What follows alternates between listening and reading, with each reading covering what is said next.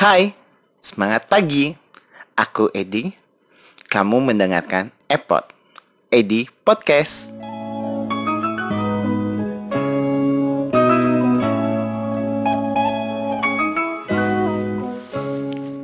Ia membuka pintu toilet sambil menikmati bocet yang masih baru. Pintunya ditutup kembali, dikunci dari dalam dan beberapa waktu kemudian ia sudah berdiri di depan lubang kakus, membuka celana. Desir air memancar tercurah ke lubang kakus sambil menyebarkan bau amonia dan mimik si bocah menyeringai penuh kepuasan. Setelah semuanya tumpah, ia mengopak-apikan apa yang dipegangnya dan disiram dengan beberapa tetes air dari gayung. Sisanya dicurahkan ke lubang kakus. Celana ditutup lagi. Bocah itu berumur 20 tahun, berpakaian gaya anak pang, dan terkagum-kagum dengan dinding toilet yang polos. Baru dicat dengan warna krem yang centil. Ia merogoh tapus tas punggungnya dan menemukan apa yang dicarinya. Spidol. Dengan penuh kemenangan, ia menulis di dinding. Reformasi gagal total, kawan. Mari tuntaskan revolusi demokratik. Coret-coret di toilet. Eka Kurniawan, Gramedia Pustaka Utama. Oke.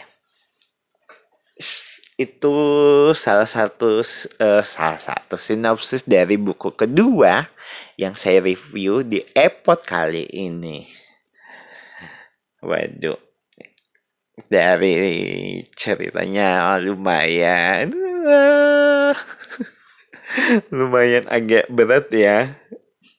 Emang uh, Eka Kurniawan ini di, uh, salah satu penulis yang uh, menurut saya uh, dia kayak sastra banget tulisannya kayak gitu. Dan kali ini tulisan-tulisan uh, ini merupakan uh, tulisan dari uh, buku ini merupakan kumpulan cerita dari Eka Kurniawan yang telah diterbitkan di Kompas kalau nggak salah di tahun 2009 uh, du, di tahun 1999 sampai 2000-an. Jadi kalau nggak salah ada sekitaran tunggu saya hitung dulu. 2, 3, 4, 5, 6, 7, 8, 9, 10, 11, 12. Ada 12 cerita di dalam buku ini. Dan salah satunya tadi uh, coret-coret di toilet. Oke, okay. kali ini saya berani untuk membaca buku dari penulis Eka Kurniawan. Ini buku pertama dari sang penulis tersebut. Sempat sebetulnya teman berpesan bahwa tulisannya terlalu berat dan agak susah dimengerti. Tapi karena penasaran dengan tulisan penulis ini, akhirnya pun saya memberanikan diri untuk membacanya. Jadi uh, saya punya konsep tersendiri. Saya kayak kayak beberapa penulis saya akan kategorikan bahwa dia uh, akan saya keep dulu untuk membaca buku-bukunya karena menurut saya akan sangat susah untuk uh, mencerna tuh uh, tulisannya kayak gitu.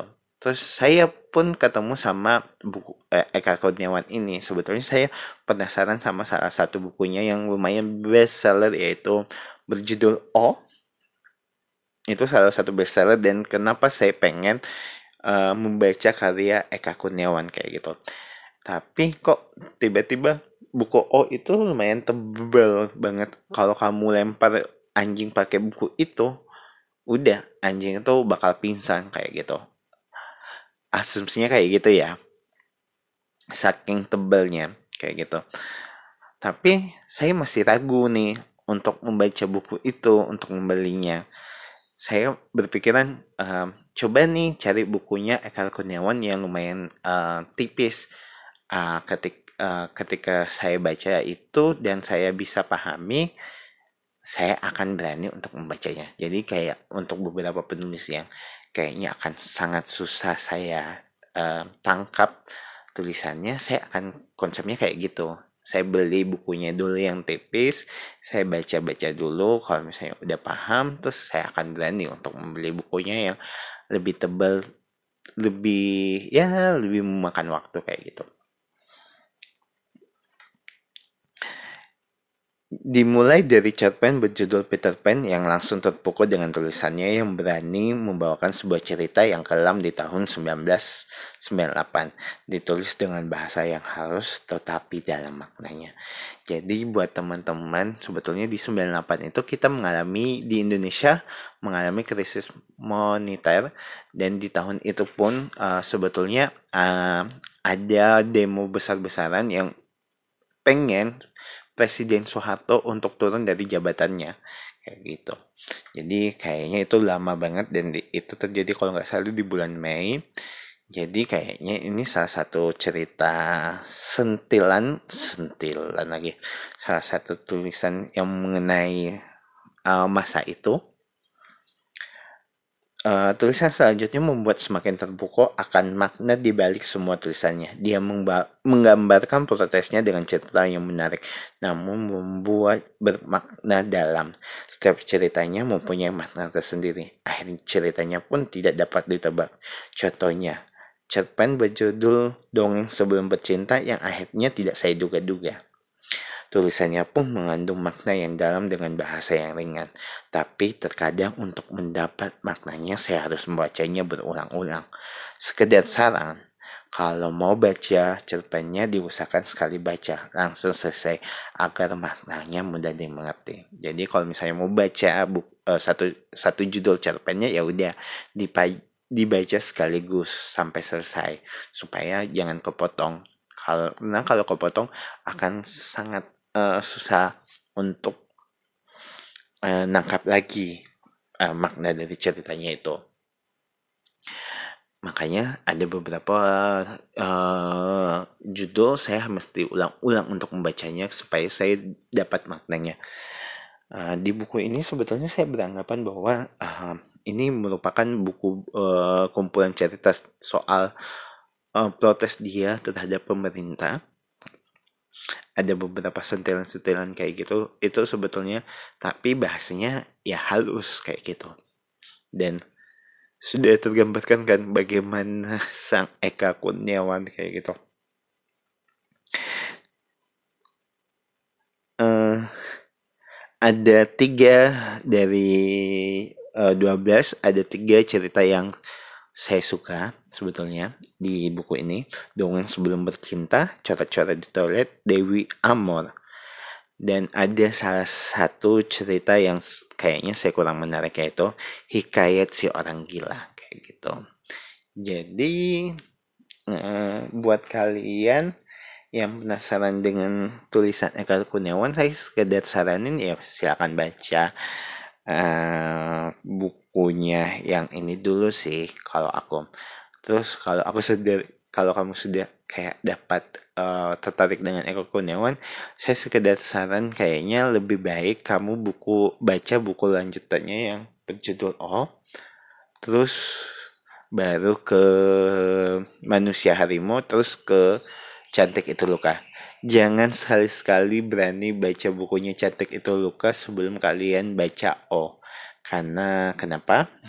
saya ngalamin sendiri bahwa uh, untuk membaca buku cantik itu luka sangat susah. Sampai sekarang pun saya belum pernah bisa tamat bahkan setengah bukunya saya belum sampai situ. Makanya bersyukur saya membaca O dulu karena menurut saya O sangat bagus sangat imajinatif banget. Makanya nanti saya akan review bukunya ya. Itu sangat menarik. Saya sangat semangat untuk menceritakan soal O itu. Oke seperti biasa saya akan membacakan quotes uh, dari buku ini salah satunya di halaman 29 Aku tak percaya bapak-bapak anggota dewan Aku lebih percaya kepada dinding toilet. Coret-coret di toilet Eka Kurniawan. Selamat mendengarkan.